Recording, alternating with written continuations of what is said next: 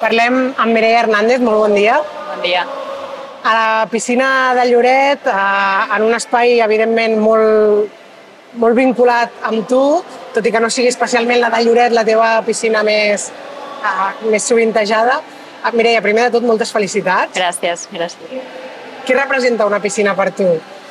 Crec que ha sigut part de la meva vida, és part de la meva vida i no, no, no em veig formant part d'un altre lloc o de passar-me les hores que em passo dins una piscina. I llavors, bueno, és sentir-me com a casa, que això ja és molt.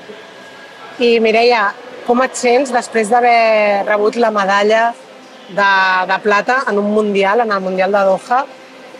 Com ho vas viure i com et sents ara, no? que han passat uns dies? La veritat que necessitava uns dies per, per pair bé tot el que va passar. Ha sigut un campionat llarg, dues setmanes pràcticament.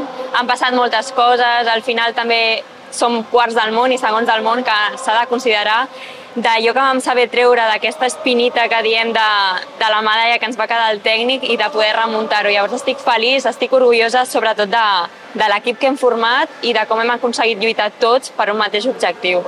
Perquè, clar, dius això de l'espina, no?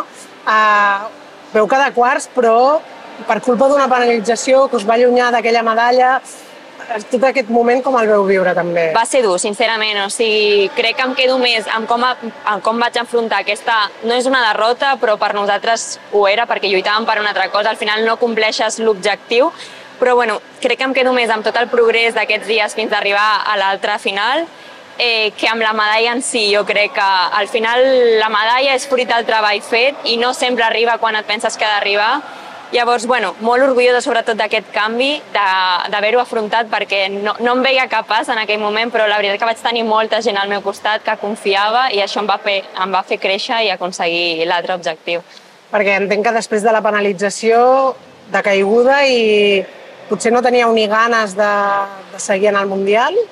En el moment més que no tenir ganes, era com frustració i decepció a un mateix i cap als altres. Al final representes un país, representes més que, que les persones que, que es tiren a l'aigua, sinó tot l'equip que hi ha darrere.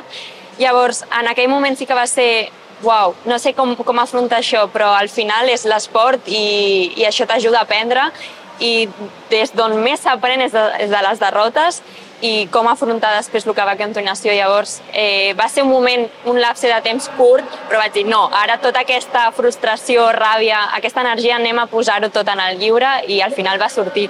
Llavors, molt contents d'això. L'objectiu era medalla de plata? L'objectiu era fer la nostra millor versió i no rebre penalitzacions. Al final eh, s'està bueno, afecta molt rebre una penalització ara en aquest nou sistema. Llavors, l'objectiu era fer la nostra millor versió i tot l'altre vindria com a conseqüència. Al final tu no busques, òbviament busques el màxim nivell, que és medalla d'or, i podíem estar per, per, per aquesta medalla, però bueno, jo crec que el més important era donar la nostra millor versió i no rebre cap penalització. Creus que pot arribar en un futur aquesta medalla d'or? Sí, realment ho crec. O sigui, confio molt en el treball que s'està fent, amb les persones amb qui treballo al costat i realment entrenem cada dia per ser els millors, que tot arriba en el seu moment, però bueno, ser subcampions del món també és tot un premi, llavors molt contenta i amb ganes i motivació per seguir amb més.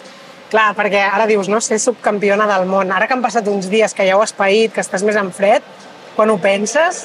Realment és, no m'ho acabo de creure que, que tot això de cada dia, l'esforç de moltes hores, de dir no puc més, però sí, he de seguir, no, no puc llançar la tovallola, i de cop veus la recompensa i dius, ostres, de veritat està passant? O sigui, realment crec que encara no soc conscient perquè per mi és com la meva feina, és com el meu deure, per així dir-ho, però al final també estic complint somnis. Llavors, sí, estic molt contenta i molt orgullosa de dir que soc subcampiona del món i que estic representant en el país en un campionat del món, això és molt. Doncs per la part que ens toca a Lloret, molt orgullosos que sigui una lloretenca qui estigui assolint aquestes fites.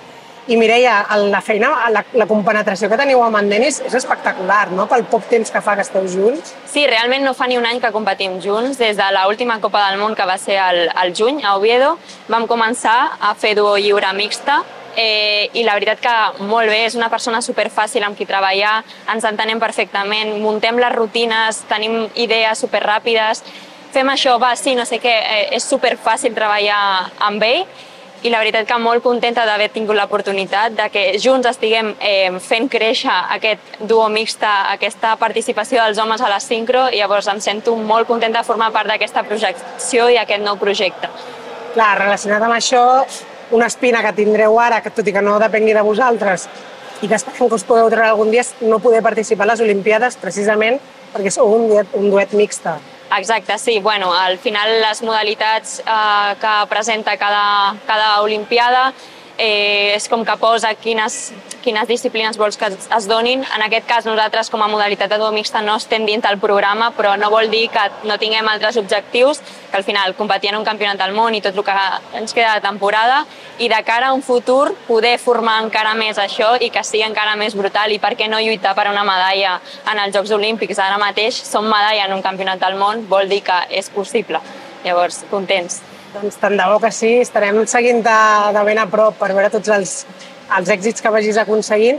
Ara tens 21 anys, encara tens molt, molt de recorregut per davant. Tu fins a quina edat calcules que pots estar dedicant a la natació sincronitzada? Realment sempre penso, va, un any més. Bueno, no, ja estic molt cansada durant la temporada, però quan acabo i analitzo fredament el que he aconseguit o el que, el que realment m'omple, jo sempre dic que fins que em valgui la pena tot l'esforç que faig, seguiré endavant. O sigui, no tinc una data límit, al final també tinc els meus mals, m'he lesionat, estic físicament, el meu cos ho nota, no tinc 21, 21 anys en aquest sentit, però sí que mentalment crec que és una part que, que s'amaga molt de l'esport i crec que és la que més perjudicada surt, més que físicament.